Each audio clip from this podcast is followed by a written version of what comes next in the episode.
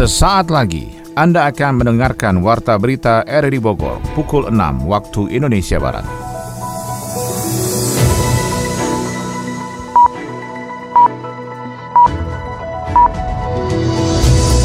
Selamat pagi, Anda kembali dalam Warta Berita edisi Sabtu 31 Juli 2021. Siaran ini bisa Anda dengarkan lewat aplikasi RRI Play pada perangkat smartphone Anda dan Anda bisa dengarkan juga di Radio Tegak Beriman Kabupaten Bogor. Berita utama hari ini adalah Presiden Jokowi menyerahkan Banpres Produktif Usaha Mikro BPUM tahun 2021 secara simbolik kepada sekitar 24 orang pelaku usaha. Pasien isoman di Kota Bogor yang meninggal dunia mayoritas belum divaksin. Saya coba minta data dari wilayah, ternyata 85 persen warga yang meninggal karena isoman itu belum divaksin. Bersama saya Maulana Estarto, inilah Warta Berita selengkapnya.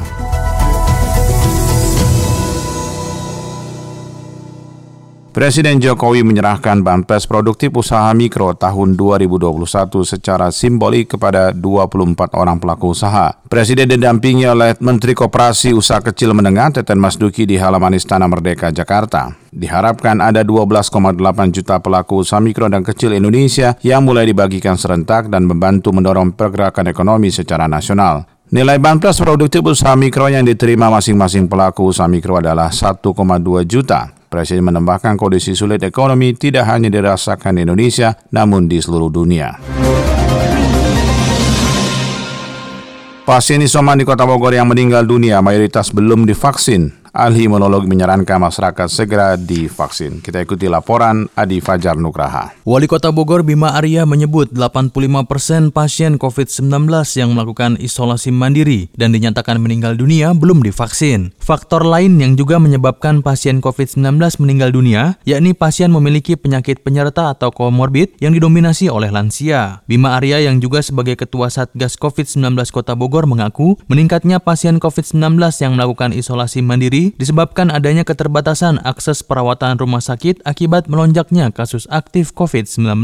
Lonjakan mortality ini karena memang keterbatasan akses ke rumah sakit sehingga terpaksa disoman dan kemudian terjadi perburukan karena beberapa hal ya. Yang pertama karena oksigen yang kurang, kemudian kedua juga karena banyak yang belum divaksin. Saya coba minta data dari wilayah, ternyata 85 persen warga yang meninggal karena isoman itu belum divaksin. Sementara itu dokter spesialis penyakit dalam dan ahli imunologi Dr. Erwanto Budi mengatakan adanya vaksinasi memang tidak menjanjikan seseorang menjadi kebal, namun vaksin dapat mencegah keparahan penyakit jika seseorang terpapar COVID-19.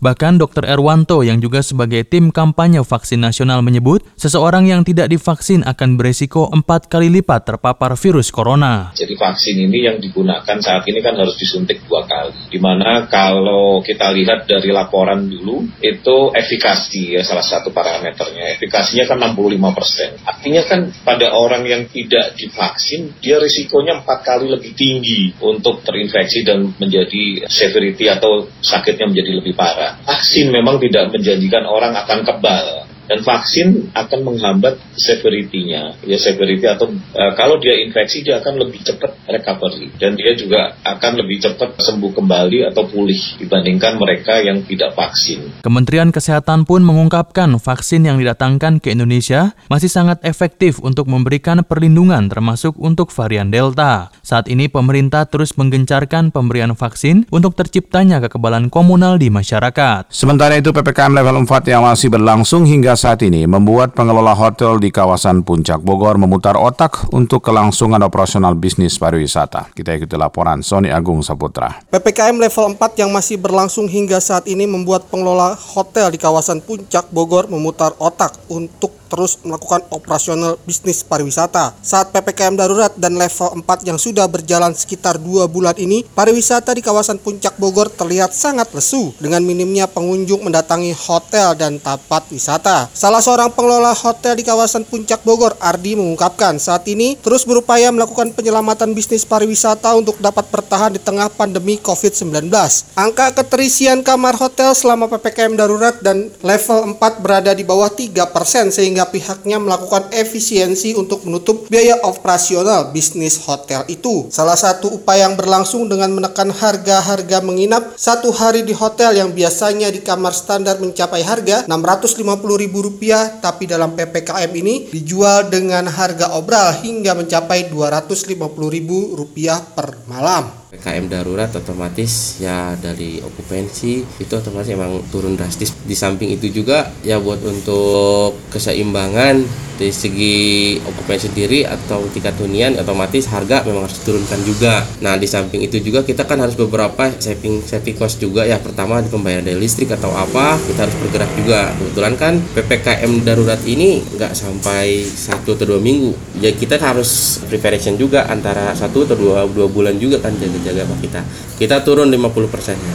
Kebetulan kamar kita jual hanya room only saja. Resto kita tutup. Ya hmm. pertama kan memang dari peraturan juga kan. Ya kedua memang tingkat pembeli kurang. Dari starting kita dari 500 ribu sekarang 250 ribu starting rate ya semenjak pandemi sih sepi pak semenjak pandemi itu dari pertengahan Juni kita okupansi rata-rata di bawah 5%. Kemudian pihaknya juga hanya memperlakukan operasional pada beberapa gedung dari kapasitas yang tersedia sehingga dapat menghemat dari sisi anggaran listrik dan kebersihan. Pihaknya berharap pemerintah daerah dan pusat dapat menjadikan solusi dari minimnya angka kunjungan wisatawan ke daerah puncak yang pada hari Sabtu dan Minggu biasanya diserbu pengunjung dari berbagai daerah terutama Jabodetabek. Teh, Enak ya kalau sore-sore gini jalan di Malioboro, gak salah nih kita liburan ke sini. Iya atuh, kalau soal wisata mah Indonesia teh paling jago dan udah terkenal juga di luar negeri. Iya ya teh, lihat kanan bule, lihat kiri bule, tuh depan kita juga bule. Tah eta. Tapi ngomong-ngomong, kita beliin oleh-oleh apa dong teh buat mama? Nih, ini aja nih, tas rajut, hmm, cantik pisan. Aduh teh, itu mah buatan lokal. Nggak mau ah. Loh, Emangnya kunaun? Kenapa buatan lokal teh? Justru nih ya, sekarang mah kerajinan lokal kayak gini yang dicari. Masa sih? Tuh dengar, bule aja rela jauh-jauh pelesiran ke Indonesia dan beli barang-barang asli Indonesia. Kita tuh harus bangga. Masa kalah sama bule? Ya udah, mulai sekarang adek bangga sama barang-barang buatan asli Indonesia. Cakep, gitu atuh. Di tengah keterbatasan PPKM level 4, warga desa Cidahu, Sukabumi mengembangkan budidaya lebah dan memanfaatkan daur ulang sampah menjadi produk bernilai jual untuk mendorong ekonomi masyarakat. Kita ikuti laporan Adi Fajar Nugraha. Pemberlakuan PPKM level 4 yang diterapkan pemerintah masih membuat sektor ekonomi terpuruk. Dengan adanya pembatasan kegiatan, tentunya roda perekonomian bergerak melambat. Meski begitu, inisiatif warga desa Cidahu, Kabupaten Sukabumi untuk melakukan pemberdayaan desanya dalam memperkuat kemampuan kemandirian ekonomi terus dilakukan di tengah pembatasan yang ada. Kepala Desa Cidahu Asep Saipul mengatakan pihaknya telah merancang dan melakukan sejumlah program dalam mendorong ekonomi masyarakat seperti halnya pemanfaatan sampah plastik menjadi produk bernilai jual. Masyarakat juga diminta untuk berpikir kreatif dan inovatif untuk membuat suatu produk yang akan mendorong ekonomi desa. Asep menambahkan saat ini pihaknya bersama warga juga tengah mengembangkan potensi sumber daya alam berupa budidaya lebah trigona. UMKM-nya Desa Cidahu kita mulai gali, ternyata banyak potensi-potensi warga dengan keahlian masing-masing, seperti sekarang di tanaman palsu lah. Mereka bisa menggunakan dengan bahan-bahan sampah, sampah plastik, keuntungannya sampah kita bisa menurun dan bisa di dijual dengan mendaur ulang untuk digunakan kesenian. Kami membuat kelompok budidaya lebah trigona. Insya Allah dengan dasar dan kondisi Cidahu memungkinkan kata orang ahli dari perhutani kalau memang lebah dekat dengan pegunungan salah satunya dengan pohon damar dan pohon rasamala insya Allah hasilnya akan baik. Pemberdayaan ekonomi berbasis kemasyarakatan juga telah masuk dalam program RPJM di Desa Cidahu. Pemerintah Kabupaten Sukabumi pun terus mendukung kebangkitan UMKM sebagai motor ekonomi rakyat yang dapat mendongkrak pertumbuhan ekonomi dan pemulihan ekonomi nasional. Himpunan Alumni Institut Teknologi Bandung Jawa Barat mendistribusikan 500 ampul vaksin COVID-19 kepada pekerja pemetik teh di Desa Tugu Selatan Gunung Mas Cisarua Bogor. Yofri Haryadi melaporkan. Himpunan Alumni Institut Teknologi Bandung, Jawa Barat mendistribusikan 500 ampul vaksin COVID-19 kepada pekerja pemetik teh di Desa Tugu Selatan, Gunung Mas, Cisarua, Bogor. Vaksin yang didatangkan dari Kementerian Kesehatan itu pun diberikan menjadi bagian dari bakti sosial Himpunan Alumni ITB Bandung. Dalam giat bakti sosial tersebut, para lulusan ITB didampingi tim dokter sekaligus memberikan sosialisasi kepada warga terkait hoax yang beredar berkaitan dengan vaksin COVID-19. Salah seorang pemetik teh, Ina Suprihatin, awalnya takut divaksin, namun setelah diberi pemahaman, dirinya tidak lagi takut disuntik. Vaksin pertama yang diberikan akan dilanjut dengan dosis kedua pekan berikutnya. Awal-awalnya sih tegang, cuman uh, setelah divaksin nggak terasa, jadi nggak sempat biasa-biasa aja, cuma pas melihat jarum tegang.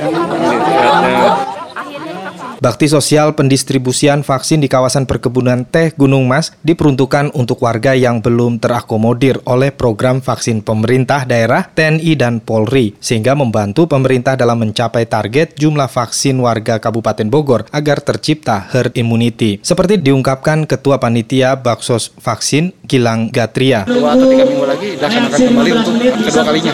Sasarannya warga Kabupaten Bogor, terutama yang di seputar perkebunan, dan Desa Tugu Utara ya. Lebih umumnya lagi sebenarnya Kecamatan Cisarua juga menyasar beberapa alumni-alumni yang ada di Kabupaten Bogor. Kegiatan bakti sosial vaksin COVID di perkebunan teh Cisarua Bogor itu pun semakin meriah setelah peserta vaksin diberikan paket sembako oleh panitia penyelenggara. Selama ini, akses sosial para pekerja pemetik teh di Gunung Mas Cisarua sulit dijangkau karena letak geografisnya yang terpisah dari masyarakat desa pada umumnya. Pendistribusian vaksin untuk warga tersebut menjadi bagian pemerintah menjangkau vaksin di wilayah terisolir. Dalam upaya mendukung program vaksinasi COVID-19, City Corp bekerja sama dengan Kementerian Kesehatan dan Rumah Sakit Pusat Otak memberikan vaksin Sinovac gratis kepada masyarakat. Kita ikuti laporan Rizka Dwi Rizky. Dalam upaya mendukung program vaksinasi COVID-19, CT Corp bekerja sama dengan Kementerian Kesehatan RI dan melibatkan Rumah Sakit Pusat Otak Nasional atau RSPON memberikan vaksinasi Sinovac gratis untuk masyarakat umum. Kegiatan vaksin Sinovac yang dilakukan oleh City Corp ini diadakan di seluruh Jabodetabek, salah satunya di Transmart Yasmin Bogor. Dimulai hari Senin 28 Juni hingga akhir bulan 2021 ini untuk dosis pertama. Salah satu staf Bank Mega Topik menjelaskan kegiatan ini berlangsung dari jam 8 hingga jam 3 sore. Jadi program ini itu diselenggarakan oleh Corp sejabodetabek salah satunya di Transmart Yasmin sini. Kalau untuk acara vaksin di sini dimulainya dari jam 8 sampai jam 3 sore itu sudah selesai dan untuk pendaftaran vaksinnya mereka bisa jalur dari online atau jalur undangan di sekitar masyarakat sekitar di sini gitu. Di sini sih kita ditargetinnya di 1000 ya, 1000 vaksin per hari. Kita lihat sih di sini yang udah dilakukan itu dengan mengundang masyarakat sekitar ya atau dari keluarga-keluarga karyawan juga kayak gitu. Boleh, boleh dari mana-mana. Di sini vaksin minimal di 12 tahun ke atas. Jadi kebanyakan sih kaula muda sih ya. Karena kan yang lansia itu udah duluan vaksinnya.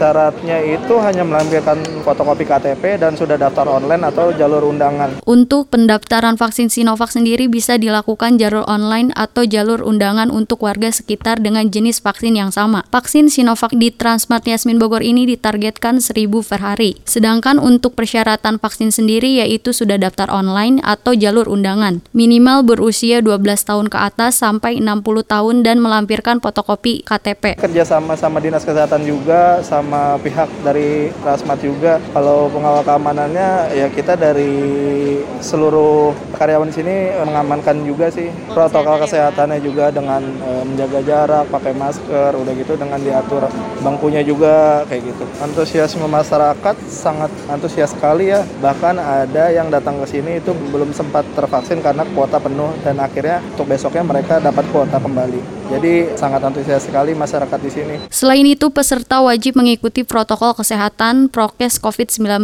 dengan menjaga jarak, menggunakan masker untuk mengurangi penyebaran virus COVID-19.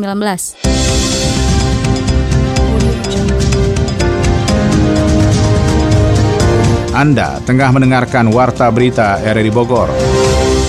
Aksi pencurian barang antik di tengah kegiatan isolasi mandiri di Desa Gorowong, Kecamatan Parung Panjang, Kabupaten Bogor diungkap jajaran Polsek setempat. Yofri Haryadi melaporkan. Aksi pencurian barang antik di tengah kegiatan isolasi mandiri di Desa Gorowong, Kecamatan Parung Panjang, Kabupaten Bogor diungkap jajaran Polsek setempat. Lokasi yang menjadi target operasi komplotan pencuri berada di kawasan Villa Jati, Desa Gorowong, Parung Panjang. Yang menjadi targetnya adalah sebuah rumah joglo dibangun dengan bahan material jati berusia 150 tahun. Kawasan tersebut merupakan daerah wisata dan pusat penyimpanan kayu jati dan budidaya tanaman milik Perum Perhutani. Salah seorang manajer Villa Hutan Jati, Bambang, mengatakan barang yang menjadi target sindikat pencuri tersebut adalah perabot koleksi berbahan kayu langka. Pelaku mencuri kursi, meja, pintu, dan papan di dua rumah joglo yang ada di lokasi tersebut. Meja-meja kursi sama rumah joglo ya.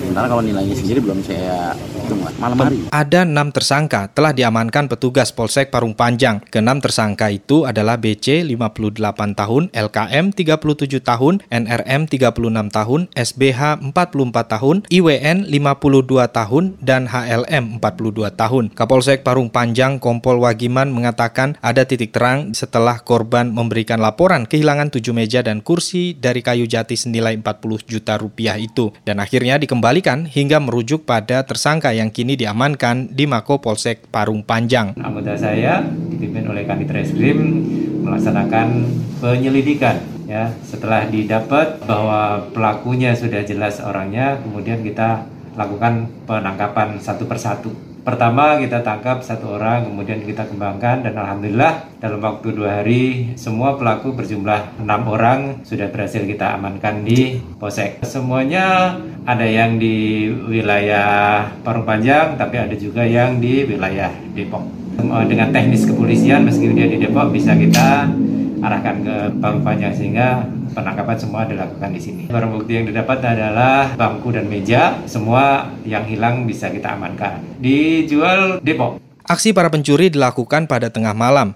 Para pelaku memasuki area villa hutan Jati melalui kawasan kehutanan dan menaruh mobil di luar pagar villa tersebut. Kejadian diketahui pada Rabu 14 Juli 2021 dan penangkapan terhadap enam orang pelaku dilakukan tidak berselang satu pekan sejak dilaporkan. Pelaku dijerat pasal 363 dengan ancaman hukuman 5 tahun penjara. Pendengar, Polresta Bogor Kota mengoptimalkan vaksinasi COVID pada masyarakat. Terlihat dengan adanya radio vaksin di jalan-jalan umum Kota Bogor, terutama di depan kantor DPRD Kota Bogor. Mengenai hal itu, kita akan ikuti wawancara Sony Agung Saputra dengan Kapolresta Bogor Kota, Komisaris Besar Polisi Susetio Purnomo Chondro. Nanti saya bersama dengan Kapolresta Bogor Kota, Kombes Pol Susetio Purnomo Chondro yang sedang melakukan sidak vaksin ke gedung DPRD Kota Bogor di Pak Kapolres. Dalam serbuan vaksin ini sudah sampai apa penanganannya di Kota Bogor? Jadi kami memulai gerak vaksin presisi ini di kantor DPRD ini sudah berjalan kurang lebih selama satu minggu. Yang sebelumnya kami melaksanakan keliling.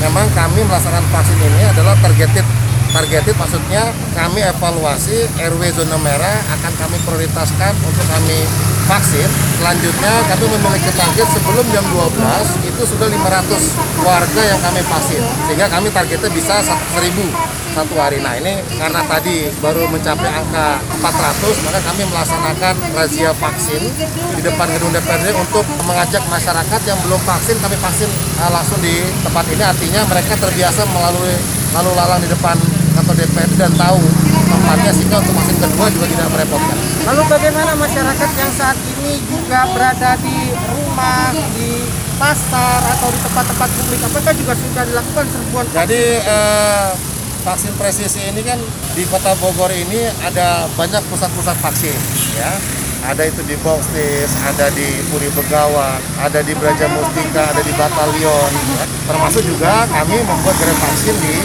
kantor DPRD ini. Nah sehingga semua itu sudah terdata di RT RW kelurahan untuk memobilisasi masyarakat untuk melaksanakan vaksin. Supaya tidak berkerumun memang sudah dipecah-pecah untuk tempat uh, pelaksanaan. Ya lalu bagaimana dengan target Uh, kami targetnya berharap bisa satu hari itu bisa seribu masyarakat kami lakukan vaksinasi. Terakhir, apa himbauannya bagi seluruh masyarakat uh, Indonesia? Kepada masyarakat semuanya di Kota Bogor dan sekitarnya, tentunya vaksinasi ini untuk memicu kita kekebalan tubuh kita sehingga kita berusaha untuk menekan penyebaran COVID di tengah masyarakat. Nah, sehingga apabila ada suatu daerah yang memang itu zona merah, bagian yang terpapar, itu potensi lebih besar. Seperti di Kota Bogor saat itu zona merah, kalau Kota Bogor segera datangi ya, nanti akan didata, dimobilisasi oleh lurah, oleh camat, untuk sentra-sentra vaksin yang sudah ditentukan. Ya. Baik, terima kasih Kapolres Bogor Kota, ya. Kombes Pol Susatyo Purnomo Condro. Terima kasih, Mas.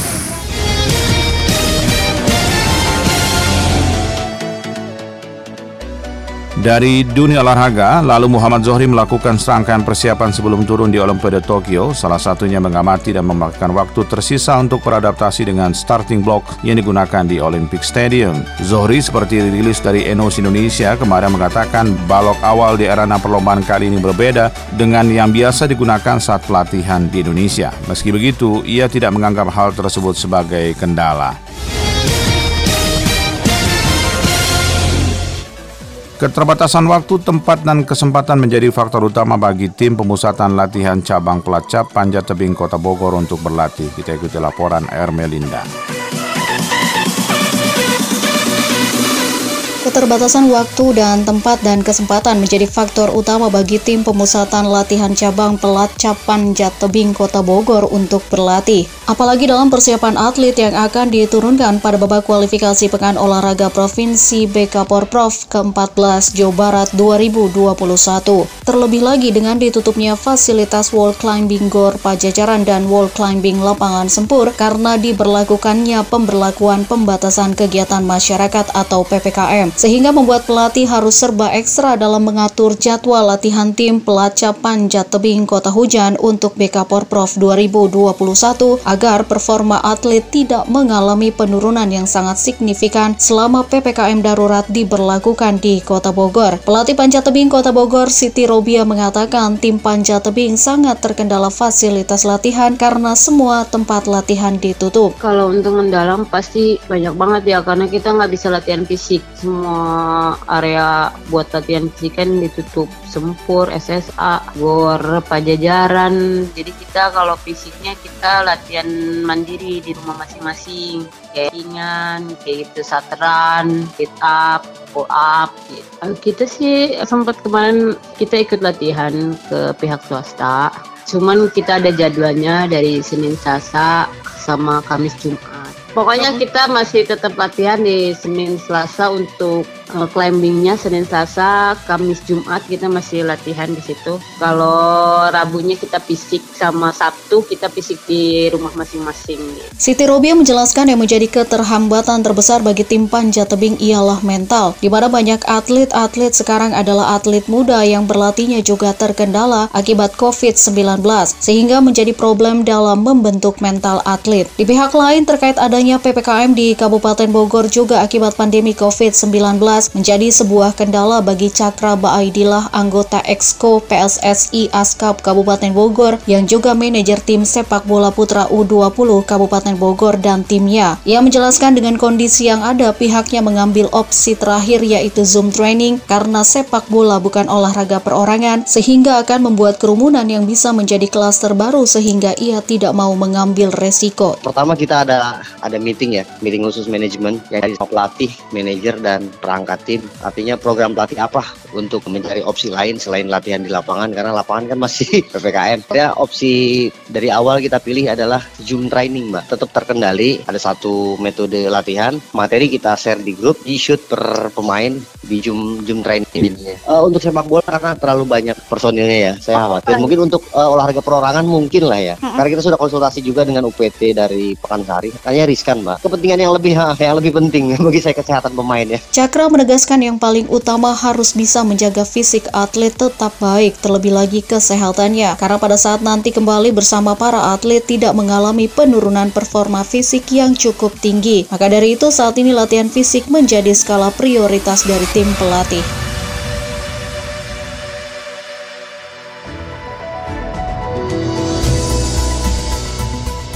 Demikian rangkaian informasi yang kami hadirkan dalam Warta Berita. Sebelum berpisah kami sampaikan berita utama.